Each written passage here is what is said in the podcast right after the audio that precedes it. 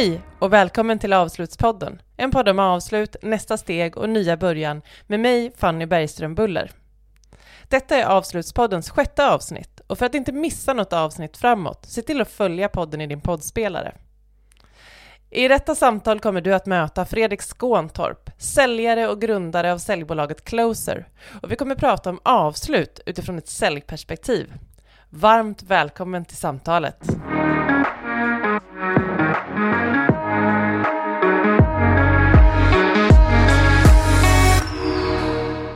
Hej Fredrik Skåntorp, säljnörden som faktiskt driver eh, säljbolaget som heter Closer. Det kändes ju som en självklar gäst i Avslutspodden. Ja, men kul. Jag hoppas jag kan leverera någonting idag och eh, tack för frågan. När jag startade Avslutspodden så var det kanske inte liksom primärt sälj som jag hade i åtanke, men när man pratar om det här med avslut så inser man ju hur många olika perspektiv på avslut som det faktiskt finns. Och eh, som egenföretagare som har drivit företag i nio år, som jag nu förvisso håller på att avsluta, men eh, så, så har jag ju utsatt mig själv också för en eh, ganska mycket sälj, att mm. behöva liksom sälja min kompetens och ja. mina tjänster på olika sätt. Och mm. jag vet ju också hur mycket, det finns mycket ågren kopplat till, till det här med sälj för många människor. Både tror jag som, som den som säljer ja. och som den, också den som köper ibland, att man känner att man är kan känna sig... Ja, men det, här, det känns som att hela det här säljskrået är liksom en, en, en yrkesroll som många har åsikter om. Ja, verkligen. Och det är också vissa som gör den eh, till ett eh, oförtjänt, eh, att vi har ett oförtjänt dåligt rykte tycker jag. Och så är det andra som gör att det... Men ja, jag, jag förstår precis vad du menar. Och det, det är också så när man träffar nya människor liksom på, en, på ett bröllop eller på en fest och säger att man är säljare, då blir det så här, okej, okay. då liksom, eh, håller folk i sig lite och tänker att det här kommer bli en en slimy, köttig snubbe. Liksom. Så att, eh, men är, man får försöka bevisa motsatsen där, tänker jag. Kan inte du börja berätta lite om eh, dig själv, om vem du är och också om eh, företaget som du driver? Mm, absolut. Nej, men jag är 45 om tre veckor och eh, har jobbat med sälj. Egentligen handlar det inte så mycket om hur länge man har jobbat med sälj, men jag har gjort det sedan 2000. Eh, nu gick jag i den fällan själv. jag, kan, jag kan tycka det är så, så tråkigt. Jag har jobbat med sälj hela mitt liv. Ja, men hur duktig är du just idag då? Brukar jag fråga då. För att det handlar ju om dagsform. Liksom. Det handlar inte om hur länge man har gjort någonting, utan det handlar liksom om man fortfarande har en bra, ett bra driv och en bra morot tycker jag. Men eh, jag fastnade för det ehm, när jag var, jag var cykelbud i slutet av 90-talet och eh, sprang uppe på reklambyråer och lämnade och hämtade kuvert och sådär. Och det var ju kul. Man, man höll sig pigg genom att cykla runt i stan. Liksom. Men då fick jag en känsla av att jag hade lätt att fråga de här bolagen vi inte jobbade med på den här budfirman om de eh, kunde tänka sig att testa oss och sådär. Det kändes som ett... Jag hade någon form av naturlig... Det kändes naturligt helt enkelt att ställa frågan sådär. Och sen så började jag plugga lite försäljning och sen så dök det upp en möjlighet att börja sälja annonser på eh, uh, Nöjesguiden. Det var en märklig slump. Liksom. Vi körde ut den tidningen till alla restauranger och kaféer och sådär på budfirman och sen så blev det en lucka och så hade jag någon kontakt in och sen så satt jag där helt plötsligt med, med en dator och en telefon och skulle sälja annonser. Något jag hade, hade gjort innan. Sådär. Men det, jag märkte direkt att jag, ehm, jag älskar ju liksom kicken av att eh, få till ett möte och märka i ett möte att eh, personen gillar det jag pratar om och, eh, och sen då eh, få till affären förhoppningsvis. Så det, det finns någon form, och jag söker ju en del kickar och har gjort hela mitt liv egentligen. Men det här, är, det, är liksom, det här känns lite som min hobby på något sätt. Liksom det, det är ett jobb där jag kan få utlopp för det. Eh, genom att fortsätta ja, träffa nya kunder och presentera saker och sådär. Sen är det ju väldigt mycket psykologi också tycker jag i ett möte från första liksom, handslaget till eh, att man lär känna varandra under mötet. Att man läser av ett rum och en person och en känsla. Och, ja, det, det, det, varje, det tänker jag på varje gång jag är på framförallt kanske nykundsmöten. Att det är så spännande sådär hur att man, att man är tvungen att läsa personen, att man ska anpassa sig efter den personens kanske medfödda beteende eller dagsform eller hur personen mår just nu. Och det, det är liksom... Ja, det är en, en rolig utmaning. Det är liksom en, en, det är en spännande, det är ett spännande jobb tycker jag. Liksom, att eh, få möjligheten att, stretchar där varje dag faktiskt. Så att, eh, ja, just det. Eh, som sagt, det kommer bli lätt att prata om detta känner jag. Men, eh, nej, men, eh, och sen eh, så har jag varit på sålt media då sen jag började på Nöjesguiden på lite olika ställen. JCDK, eh, och, som är stora på utomhusreklam och sen eh, Metro och eh, var ett, ett år på köparsidan faktiskt också på Gina Tricot i Borås som marknadschef eh, innan jag startade Closer. Då. Och det var ju otroligt spännande på det sättet att för det första var det ju kul med retail och mode och hela den världen som var mycket nytt och mycket att lära sig. Men, men det var ju framförallt spännande att höra alla samtal jag fick eh, från säljare i de här fem länderna som, som jag ansvarade för då. Eh, det, var, det var ju jag som då är lite nördig på det här med kalla samtal. Var ju, det fick ju eh, 50 till 100 stycken varje dag. Så, där. så jag kunde ju verkligen välja, nu är jag sugen på att lyssna på hur den här personen som ringer kommer lägga upp samtalet. Så det var ju ja, väldigt eh, roligt på det sättet. Um, och eh, sen slutade jag där um, och hade en känsla av att jag eh, var nog ganska klar med att ha en chef. Jag var nog också ganska klar med att ha anställda. Eh, det var min utgångspunkt. Och sen saknade jag säljet ganska mycket. Själva den här, eh, ja, med de här kickarna och den här som jag pratade om tidigare. Och då tänkte jag att okej, okay, säljkonsult är nog det som är nästa steg. Och jag började fundera lite på de här mediebolagen som jag själv då hade träffat under året på Gina där. Och, och jag märkte ju också att det var ju många som reste ner till västkusten och sådär för att träffa mig. Och då tänkte jag det måste ju finnas ett behov av att ha någon representant för de här mediebolagen på plats liksom, som kan ha sitt kontaktnät, som kan finnas liksom, nära kunderna helt enkelt. Och det var just ordet nära då som, eh, som ligger till grund för namnet Closer. Plus att det då handlar en del om att faktiskt closa affärer. Då. Så att det tyckte jag var ett passande namn. Så startade det 2014 och sen så eh, började jobba med ett eh, superkul bolag som eh, hette Visual Art på den tiden. Har bytt namn till Ocean Outdoor nu eh, och är störst i Sverige på digital utomhusreklam. Vilket är fantastiskt kul. Eh, och efter ett halvår så pitchade jag in vår tjänst, då, eller min tjänst, till eh, ett annat bolag som heter United Screens som är störst i Norden på eh, på vad heter det, ja, YouTube, influencers på YouTube helt enkelt och även eh, annonsutrymme på YouTube. Sådär. Och det blev då, då hamnade jag i ett läge där jag insåg att jag måste anställa någon. Och det var ju lite det jag inte ville. Som, som jag hade bestämt mig för från början. Och då hade jag en polare som, sagt, som sa så här att du borde testa att knoppa av ett aktiebolag och ge bort 49 procent av det till en medarbetare istället för att anställa. Eh, och jag är väldigt impulsiv och jag tänkte att ja, han, han sa det i förbifarten med en kopp kaffe i handen. Vi delade kontor där på den tiden. Eh, och jag tänkte att nej, men jag, vad är det värsta som kan hända? Ja visst, aktiekapitalet det skulle vara surt att förlora och att det inte blir någonting. Men jag testade det och då visade det sig att det var en väldigt bra morot och att, de här, att mina blivande kollegor fick jobba helt självständigt och eh, som entreprenörer helt enkelt eh, utan att ha någon som står och liksom bevakar eller ifrågasätter. Eller, ja, egentligen att man får friheten då att, att lägga upp sitt säljarbete som man vill. Och det är så jag själv funkar också. Liksom, att jag, jag vet ju vad jag ska göra för att jag ska sälja. Jag behöver inte ha någon som, ska, som så, så, så står och skriker på mig eller eh, frågar hur många möten jag ska göra varje vecka. Utan jag har ju den moroten automatiskt eftersom jag är egenföretagare. Då. Och så eh, har det rullat på. Eh, nu har vi eh, åtta stycken mediebolag. Eh, jättestarka varumärken med eh, fina produkter som vi hjälper då. Så vi är elva stycken eh, säljentreprenörer som vi kallar oss då. Vi vill gå ifrån det här med konsult egentligen. Vi tycker inte det. Det är, det är inte alltid så positivt laddat ord det här med konsult utan säljentreprenör tycker jag låter bättre. Liksom. Eh, Eh, så det jag blev lite nyfiken på det här med hur, bara som, eh, som företag, när man har drivit företag länge blir man alltid nyfiken kring hur man organiserar sig. Ja. Så att i elva personer äger alla liksom delar av aktiebolaget?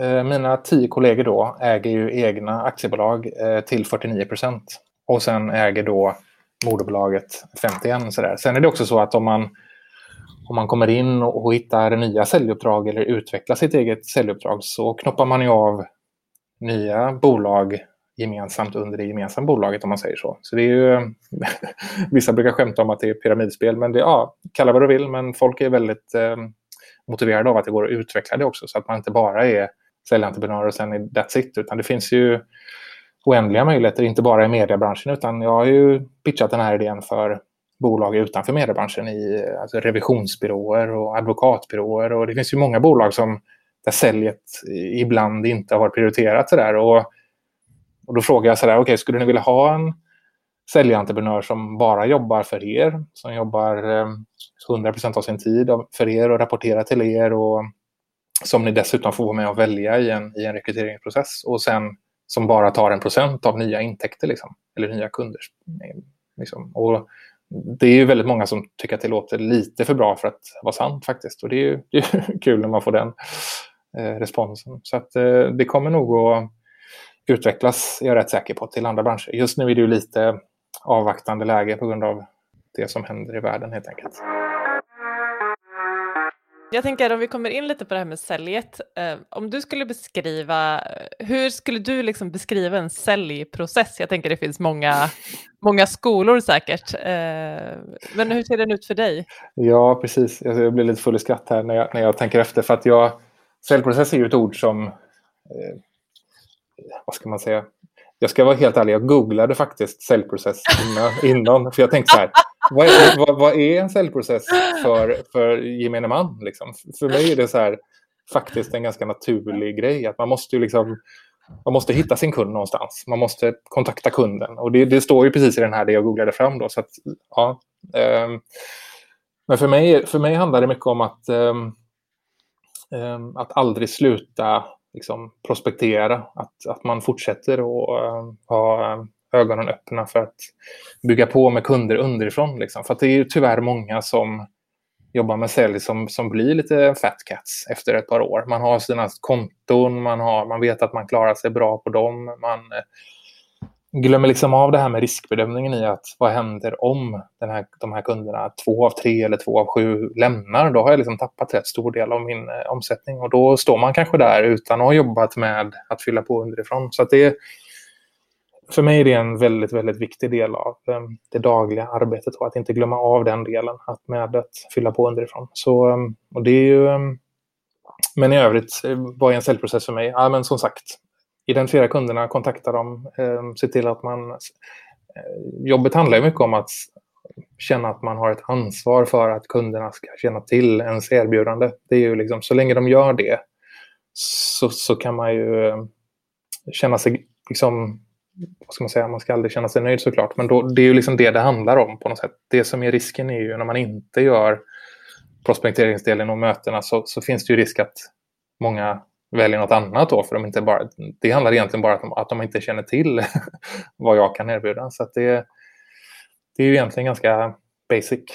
Om man inte har jobbat med sälj, det är ju ändå många människor som aldrig behöver lägga tid på att sälja saker, för man kanske jobbar inom offentlig förvaltning eller på något annat sätt. Liksom. Och då tänker jag att alltså, utifrån det man själv möter, det känns, känns som det finns liksom glappet mellan telefonförsäljaren som är sådär, tjena tjena, mm. kan jag få sälja dig ett nytt mobilabonnemang mm. till där man har en liksom ganska stereotyp bild av vem den personen är och kanske vad den så här, och sen så eh, kanske man har kollat typ på Mad Men tänker jag, och det är mer den här whining, ja, wine and ja. grejen liksom, där man eh, eh, liksom, hur ser din säljvardag ut?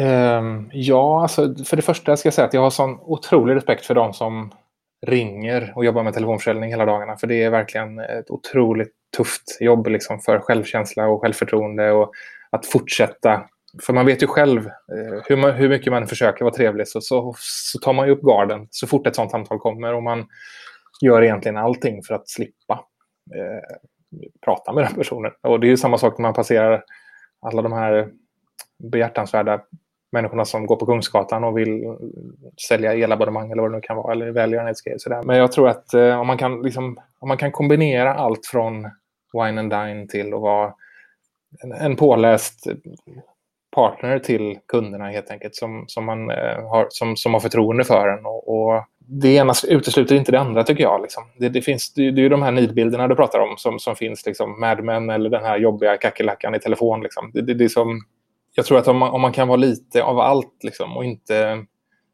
framförallt inte vara för fin eller för stolt för vissa delar av, av säljyrket så tror jag att man, eh, så att man, då har man nog en del att vinna. Liksom. Att man inte blir för bekväm eller för att man liksom utmanar sig själv hela tiden. Så det jag försöker att, att göra så i min egen vardag, att eh, varje dag göra något som, som jag kanske drar mig lite för. Eh, eller som, som kanske skaver lite eller som jag vet att, ja okej. Okay. Eh, för det blir i längden blir det en väldigt, väldigt bra effekt.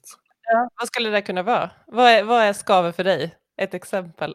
Utan du behöver inte nämna någon. Nej, nej, nej, nej, men jag fattar, jag fattar. Men det är så här, jag, jag, eh, men det är, jag älskar ju kalla samtal. Men det är också så att jag, det är inte så att jag alltid älskar att sätta mig och göra det. Det är inte det jag älskar med det, utan det jag älskar med det är att märka efter ett tag, att jobba, och vara konsekvent med det, vad det leder till. Liksom.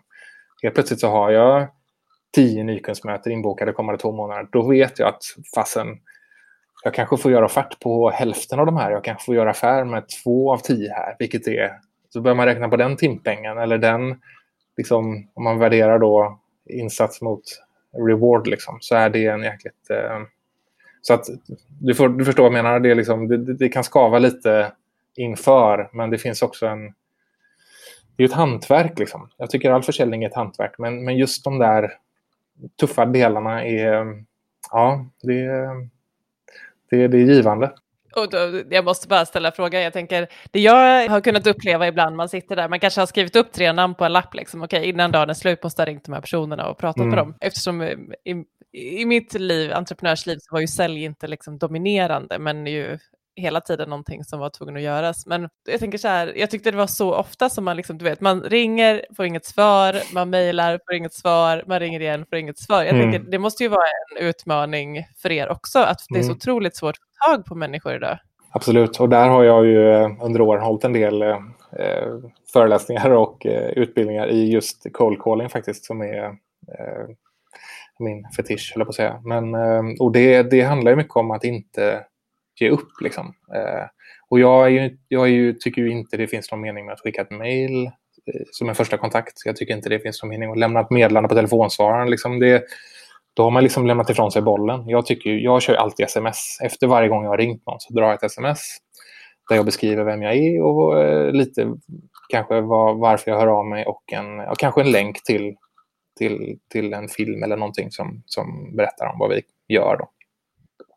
Och sen kan jag vara ganska, eller jag kan vara väldigt ihördig på det där. Jag har nått rekord på 60 stycken samt, obesvarade samtal med såklart då 60 stycken sms efteråt i, i följd. Liksom. Eh, och jag brukar inte ringa mer än en gång om dagen. Det är någon sån här regel jag har. Men det kan bli ganska kul för till slut så, så märker ju liksom kunderna att fan, den här personen är ju liksom jag vet inte om han är galen eller eh, bara otroligt eh, ambitiös, men eh, till slut så kan de ju faktiskt höra av sig och bara okej, okay, det är klart att vi, du får ditt möte. Liksom sådär. Men eh, jag hade en marknadschef som, som till slut, jag tror det var den personen faktiskt som jag hade hört av mig till 60 dagar i rad som helt plötsligt ringer tillbaka. Ja, hej, det var, ja, det var jag och eh, du har sökt mig och eh, kan vi träffas imorgon klockan två? Och jag, jag sa så här, ja, absolut, det är ju liksom, det är klart vi kan. Ehm, så träffades vi dagen efter och sen var det inte mer med det. Men sen, sen när jag gick därifrån, så vi hade träffats bara en halvtimme, så där, men det var ändå, det räcker ju oftast. Liksom. Och då så tänkte jag när jag gick därifrån, ah, ja nu fattar jag, han ville verkligen bara få mig att liksom, sluta höra av mig. Sådär. Så det var, men, eh, ja, nej, men, det, och, men samtidigt är det sådär som jag sa innan, liksom, att då har jag gjort mitt jobb. Då har jag gjort det som jag har betalt för. Det är att se till att alla de här personerna har koll på vårt erbjudande. För då är risken mindre att vi eh, tappar affärer till, andra bolag helt enkelt. Liksom. Så att, ja. Jag måste ju säga att det är ju verkligen imponerande. Jag tror att eh, många, jag inkluderar mig själv här, som inte kanske jobbar har det som heltidsarbete liksom, så hade mm. man kanske efter två samtal känt att man var Jo, men, väl. Och det är jättebra att det är så, att de flesta är sådana kanske, för det, det gör ju mig, mitt jobb liksom kanske lättare då. Men, men det är mycket det här att man, jag menar, man har en bra produkt liksom. Det, det är ju inte så att man säljer skit. Utan, eh, och personen på andra sidan, man vet ju om att man kan hjälpa dem sådär. Och, eh, så, så det finns också en, eh, förstår du vad jag menar? Man vill inte släppa, man, det, det, är också, återigen, det är stoltheten ibland som blir vårt, vår, eh, utmaning där. Liksom, att man tänker att gud vad den här personen måste tycka att jag är jobbig och eh, mitt namn dyker upp på displayen eller vad det nu kan vara. Det, ja. Så att det är bara att bita ihop tänker jag om man ska bryta ny mark. Du säger att du älskar kalla samtal, men jag tänker någonstans så kommer man ju också till, till punkten där man på något sätt måste liksom se, kommer vi att eh, komma någonstans med här eller ska vi skiljas åt? Ja, du menar när man har träffats eller, eller i mötet? Liksom. Ja, precis, ja, eller pratat ja. med varandra. Och hur, hur ser du på den, jag tänker avslutsprocessen, om man tänker liksom Mad Men-stilen så mm, känns det ju som mm. att det finns, att vissa processer kan ju vara relationsbyggande över väldigt lång tid ja. innan man kommer till ett avslut, medan andra kanske är betydligt snabbare. Hur, hur ser det oftast ut för när du jobbar? Just det, precis. Det är ju faktiskt avslutspodden vi, vi är i, och inte, inte Kalla samtal-podden. Men eh, nej, men, och det finns ju. Jag har också varit på otroligt många sådana här utbildningar och seminarium och du vet, eh, där det finns olika tekniker för avslut. Eh, det kan handla om delaccept, liksom, att man under mötet eh, frågar hur, hur saker och ting låter, om det känns bra och så vidare. Och att man då lättare får ett okej okay på, på när man ställer den slutgiltiga frågan. Då, liksom sådär. Um, för mig så känns det ibland lite konstlat, om man ska vara ärlig, med eh, de här teknikerna. Liksom. Jag, jag, har någon, jag har någon teori, tror jag, om att om man lyckas känna in en persons eh, sinnesstämning och att man läser av eh, mötet och kundens behov och allt det här som och, och liksom har ett bra flow och lyckas eh, anpassa sin pitch eller sin säljretorik till, till vad man ser att det finns för behov så, så blir oftast avslutet en väldigt naturlig del av mötet faktiskt. Eh, sen så i min bransch funkar det inte jätte, det är inte jättevanligt att man gör avslutet på plats. Liksom, utan det handlar om en, en offertförfrågan först och sen att man har en förhandling kanske och att man avslutar det genom att, att det bokas eller inte bokas, att man får en accept på affären helt enkelt. Och det, det kan ju, då, då blir det mer liksom en förhandlingsteknik, en fråga sådär. Men, eh, och sen finns det också, om det dyker upp utmaningar eller problem under mötet, eh, då finns det den här klassiska sägningen också att ja, men jag kan lösa de här bitarna åt dig, har vi en affär då? Det,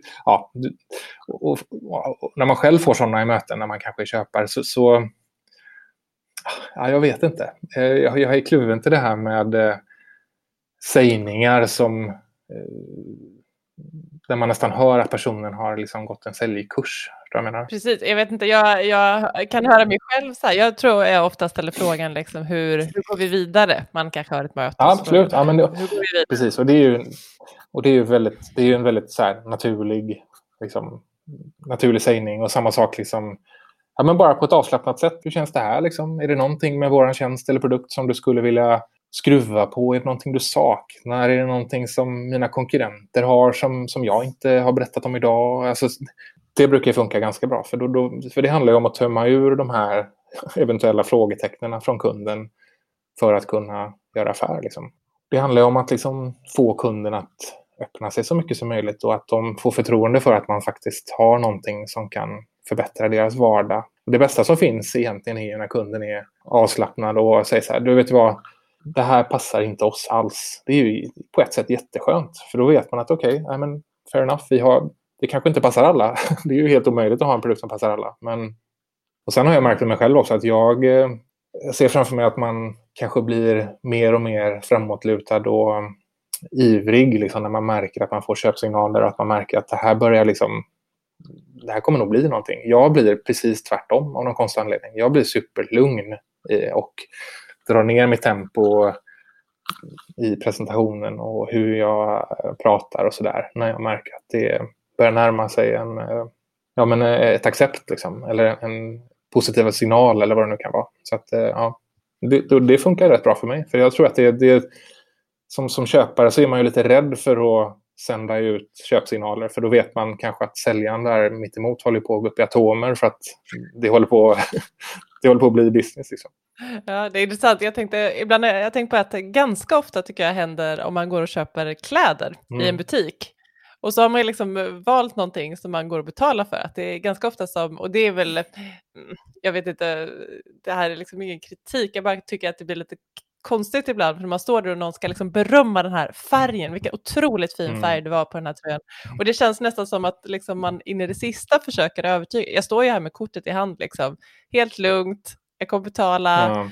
men att man ändå på något sätt måste, och det kan ju vara liksom en gest bara för att liksom bekräfta eh, den som handlar Mm, såklart. mm. Men, men ibland kan jag känna att det blir lite krystat. Ja, precis. Och att det inte kanske är ja, men helt naturligt. För, sådär, utan att det blir, men, men det är kul att säga det, för jag har tänkt mycket på just eh, klädsäljare eller säljare i, i klädbutiker. Liksom, för jag själv har sprungit en del sådana under åren. Sådär, och, mm, det finns så roliga, det finns så många olika approacher där på något sätt. Men, men eh, de bästa gångerna är ju när någon säger att du, det, det, det, där inte, det där passar inte dig alls. Då blir jag så här, jag kan köpa vad som helst av dig nu. För du är ju faktiskt, du säger ju det, du säger ju vad du tycker liksom. Och inte bara, ja den där sitter ju jättebra. Och så kommer man hem och frågar sin fru liksom. Och bara får ett asgarv liksom. Har du köpt de här brallorna på riktigt liksom? Eller ska du på maskerad liksom? Så att, ja, det, det är skönt när de är, säger som det är. Jag pratade för, eh, i ett annat poddavsnitt så pratade jag med en man som heter Joe McLeod som är business designer och bland annat har skrivit en bok om avslut som heter Ends. Ehm, och han eh, har tittat mycket kring det här, på det här eh, kopplat till våran liksom, ovilja att också avsluta kundrelationer. Eh, jag tänker att det händer både sådär, du vet, man har, ska göra, har använt klart sin mobiltelefon, den Mm. är ny och så ska man liksom lösa det. Att här, det, det blir ofta så komplicerade processer. Vi, vi liksom, det är lätt att saker hamnar i byrålådor eller det är lätt att saker bara blir skräp. Eller att vi ska eh, segla runt på internet för att leta någon länk som ligger gömd på någon hemsida som vi ska liksom, för att kunna säga upp det där abonnemanget som Mm. vi någon gång liksom. Men du, Hur- tänker, du tänker som kund nu eller tänker du som... Nu tänkte jag ur kundperspektivet. ja, okej, ja, ja. Jag tänkte så här som säljare, liksom. ska man avsluta? Jag fattar ingenting. Nej, men som kund. Och, Ja. Men du som då, eh, jag tänker du har många kunder som köper produkter liksom från er. Hur, eh, hur tänker ni kring det? Liksom, avslutet när en kund känner så här, nu är inte den här produkten, passar inte oss längre eller Mm. nu har vi inte råd eller vad det nu än kan vara för anledning. Om man får det till sig så får man ju eh, verkligen ta reda på att man har gjort allt man kan för att om det är någonting som de har missat i erbjudandet eller liksom verkligen tömma ur kunden då återigen på eh, varför de känner så och eh, vad det är de saknar då eller vad man inte kan erbjuda och om det är någonting vi kan skruva på. Annars får man ju acceptera läget. Liksom. För det, saker och ting förändras ju. Det kan ju bli, det kan ju bli förändringar hos dem också och, det kan, eh, och, och den personen kan ju dessutom hoppa till ett annat bolag som helt plötsligt har större intresse då. Liksom. Eller, nej, jag, det, det är också en sån här grej att eh, hur besviken man än kan bli ibland på eh, affärer man missar eller kunder man tappar så, så det, det, man får liksom aldrig... Det är ju inget personligt liksom. Det handlar ju inte om det utan det handlar ju om... Det är ju business och det får man ju aldrig... Man får aldrig visa att man blir... Ja, men framförallt inte om man skulle bli sur över någonting. Liksom. Och, och vi, alltså, det har man ju hört många exempel på när liksom säljaren blir sur på kunden för att det inte blev en affär eller att man avslutar. Det är ju liksom helt, det är helt befängt faktiskt. För då har man ju bränt den, den personen då, tänker jag. Har du, men har du, du måste ha blivit sur ändå? Ja, alltså, ja, men, ja, men jag, jag, jag kan bli väldigt besviken såklart. Om, om det är så att man tappar någonting eller man hoppas på en affär och den inte blir av. Det är, det är, ju, liksom, det är ju en naturlig del av det här eh, vinnarinstinkten som man, som man kanske ska ha som säljare. Men, men så länge det liksom... Sen, ju, sen har man ju åkt land och rike runt ibland och ska träffa någon som kanske inte dyker upp på mötet. Så där. Och det är klart att då kan man bara då kan man ju bli sur. Liksom. Då blir man så här, vad fan, liksom, jag har ju åkt 40 mil här och personen är inte ens här. Alltså, då måste bara fråga, då, eh, den typen av möten, eh, många pratar ju om att man liksom ställer om så mycket nu i och med det digitala Mm. året som 2020 blev. mm, mm. Tänker du att den typen av möten kommer vara, att det kommer vara färre av de 40 mils mötena eller är det nödvändigt att träffa kunden fysiskt? Nej, alltså, vad ska man säga, jag tror inte det är svart eller vitt där. Eller jag tror inte det kommer vara antingen eller. Men eh, jag har upptäckt, jag, jag trodde inte det skulle vara så effektivt med digitala möten som jag har märkt under pandemin. Jag har varit ganska gammaldags där. Jag har alltid velat träffa kunden fysiskt. Liksom. Dels för att det ger mig mer energi men är också roligare. Det är, liksom, det, det är mer ja, men, interaktion. Liksom. Det är mer som, på tal om det här med liksom, psykologin och stämningen i rummet och sådär. Det, det, det, är klart att det är ju enklare att, att känna av den på ett fysiskt möte. Men eh, jag kommer försöka föreslå fysiska möten men, men kommer också eh, absolut fortsätta köra digitala. Men en sak som är väldigt positiv är ju att det är väldigt mycket enklare har jag märkt att få in ett, eh, ett kallt samtal till ett digitalt möte än att eh, ringa och föreslå att jag ska komma och hälsa på dem. Eh, för då säger man då, kan vi inte köra ett digitalt möte i 30 minuter innan påsk? Liksom? Det är det enda jag, istället för att jag ska resa till dig och vi kanske sitter i en timme och det blir snack om väder och kaffemaskinen och allt det här. Liksom. Det, ja, det, det, känns som att tröskeln blir lite lägre för kunden faktiskt med digitala möten. Vilket man ska använda sig av, utnyttja tycker jag, till att boka fler möten. Om man tänker, jag tänker du som jobbar så mycket med, eh, ja, givetvis med uppstarter och liksom, eh, nya kontakter och relationsbyggande, men också med avslut. Eh, om du tittar eh, utanför din säljvardag, kan du se liksom, eh, kopplingar till övriga livet? Är du en bra person på att avsluta grejer? uh, tänker du, du, du tänker relationer då, eller jag tänker relationer? Eller, tänk, eller vad, Nej, det ja, dels, alltså, det är ju något som jag tycker är otroligt spännande som jag faktiskt inte har pratat med någon om än, det är det här med att avsluta vänskapsrelationer. Mm, det kanske mm. du aldrig behövt göra, men det är något jag tänkt mycket på, att det mm. kan vara så otroligt svårt. Men det kan ju vara andra saker också. Jag tänker, eh, ja men det kan ju vara att man eh, bestämmer sig för att eh, alltifrån att kanske flytta, att avsluta mm. liksom ett boende till att, vad vet jag, en hobby. ja men precis, nej men absolut.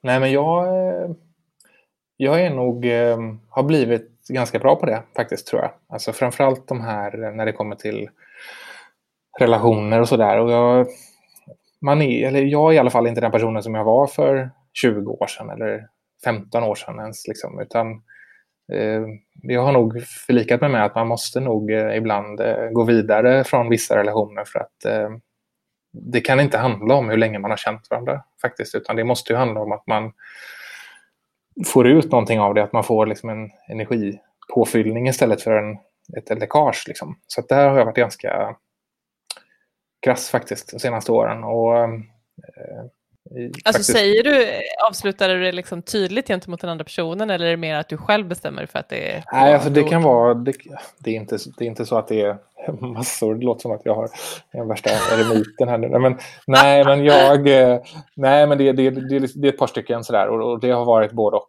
Liksom. Eh, ibland så, så, så blir det naturligt att vi kanske hörs framöver. Sådär. Men, och ibland är det ut i sanden. Det, är ju liksom, det ska ju finna, det är ju, two to tango liksom. Det är inte bara en person som... Ibland så kanske båda känner att det, det, det här var inte det mest givande mötet vi har haft de här 30 åren vi har känt varandra. Liksom. Och går det åt det hållet så, så brukar det ju rinna ut i sanden av sig själv, tänker jag. Men det, men det, är, ju, det är ju livet. Liksom. Jag tänker att det, det, jag är fascinerad över de som har kompisgäng som är liksom, identiska eller intakta efter liksom, 30 år. Jag är så här, wow, liksom. Jag kan både vara lite avundsjuk på det samtidigt som jag blir förundrad över, shit, har ni, har ni utvecklats åt exakt samma håll allihopa alla de här åren? Det är ju helt otroligt i så fall. Eller har ni, ja, eller bygger det på något annat? Så, där? så att ja, det kan vi starta en podd om, tänker jag också. Ja. det kan jag relatera till. Jag är ingen person med liksom stor eh, barndomskompiskrets. Nej. Eh, men det är precis som du säger, det liksom känns som att um, Ja, men dels för, nu är ju inte jag från Göteborg, men att man får liksom också bo kanske kvar på samma plats och sen måste man ju, det måste finnas en anledning till att ses. Mm. Nej, men, um, och sen, um, vad är det mer man har avslutat? Um, ja, men, jag har jag, också, jag är väldigt svart eller vit i väldigt mycket. Alkohol och eh, träning och hobbysar. Och det, det, är aldrig någonting som blir liksom... Eh, det blir aldrig halvdant liksom. Al alkohol som exempel är liksom ingenting på sju månader eller eh, all in på en fest. Liksom, där man går hem sju på morgonen. Typ. Så, så det vissa grejer så ibland så bestämmer jag mig bara att nu, nu eh, avslutar jag det här ett tag och så ser vi om det känns bättre eller bra eller sådär. Så det är, men det, är, det är ju hela tiden en, en man, hela tiden ett sökande känner jag. Liksom man, man um, testar sig fram liksom, för att hitta en bra balans mellan alla möjliga saker man har i sitt liv. Och det är ju det är en konst. Liksom. Men det är ju lättare när man är 45 än 25 kan man säga. Då eh, är det ju hela av ett stormar och ett getingbo i huvudet. Liksom. Så att, eh, ja, det är skönt att bli äldre. Mm. Ja, det kanske är lite lättare att avsluta saker.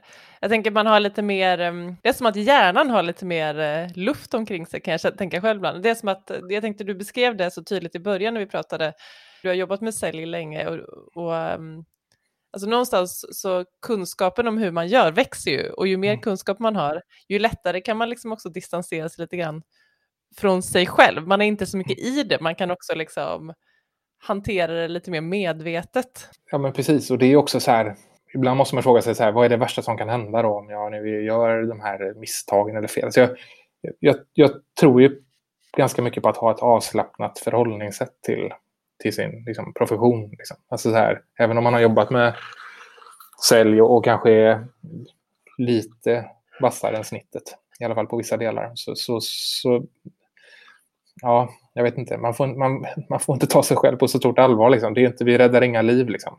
Vi, vi säljer tjänster och produkter. Liksom. Det, om 300 år så kommer det inte vara någon som kommer ihåg det förmodligen. Så att, eh... Det var liksom mer det här, jag tänker, om, om du tror att avslut blir lättare med ålder, att man ja. mer har distans till eh, precis. saker. Nej, men jag, jag, precis det med vad är det värsta som kan hända. Att det är, det är inte så mycket som händer. Alltså, det, och man kanske också börjar lita lite på vad det gäller liksom, det här med relationer då kanske som är en jävligt jobbig bit att behöva avsluta. Men för att man behöver må bättre helt enkelt. Eller man behöver liksom ta bort vissa element. Eh, och det handlar om att man ska lita på att man, man kommer kunna ha ett bra liv utan det. Då. Man kommer liksom inte bli ensam bara för att man väljer bort några personer som kanske inte tillför så mycket just nu om man ska vara krass. Så eh, det, det, är klart att det, så kände jag inte när jag var 25. Då var det liksom sjukt viktigt att vara i händelsernas centrum och egentligen du vet, ha kontakt med så många som möjligt och sådär. Det blev nästan som en, eh, ja, ett behov på något sätt att eh, känna att eh, ja, men jag, jag är nog omtyckt. Liksom, för jag har väldigt många polare just nu. Men det, det är ju verkligen inte det det handlar om. så att, men ja, det är härligt som sagt att åldras. Det var, det, var fint. det var lite som en avslutande. Jag, tänker, jag brukar också ställa frågan till alla, så här, någonting som du ska avsluta under året som kommer? Eh, ja, alltså jag ska inte dricka någonting nästa år faktiskt. Eh, alkohol tänker jag på då. Jag kommer börja dricka vatten och sånt. Kanske går det inte så bra. Men eh, nej. nej, och det har inte att göra med att jag har liksom någon, någon dålig händelse eller att jag har ballatur eller spår, alltså sådär. Utan det är mer att jag, eh, vad det gäller just det så, så har jag märkt att jag blir så sjukt trött under flera dagar. Och det är ju inget, bara no shit liksom, att man blir bakis. Men för mig har det liksom börjat värdera, okej, okay, det är kul själva kvällen. Eh, men det finns också tre, fyra dagar med eh, låg energi. Liksom. Och det går ut över eh, mina barn och min fru och mina vänner för jag har inte orkat. Alltså man, man, om man har en hög energinivå från början så ska man liksom inte sabba den genom att vara dålig så pass länge. Så att, ja, det ska inte vara någon moralpredikan här. De som känner mig och lyssnar på detta kommer att garva för det har varit ganska mycket raj-raj under åren. Så där. Men, men det, det, för min del så kommer det vara skönt tror jag att behålla energin och även på jobbet liksom, att känna att fasen det, det, det, kunde nog inte bli bättre det här mötet. Liksom. För jag är utvilad, jag känner mig liksom fräsch jag känner mig stark och um, sådär. Och, eh, nej, så det ska bli spännande. Om man vill komma i kontakt med dig efter att ha lyssnat på det här avsnittet, hur gör man då på bästa sätt? Ja, alltså jag gillar ju eh, samtal. Alltså telefon är ju min, det är ju lite mitt vapen. Så att eh, hellre det än mail, tänker jag. Och alla kontaktuppgifter finns på closer.se.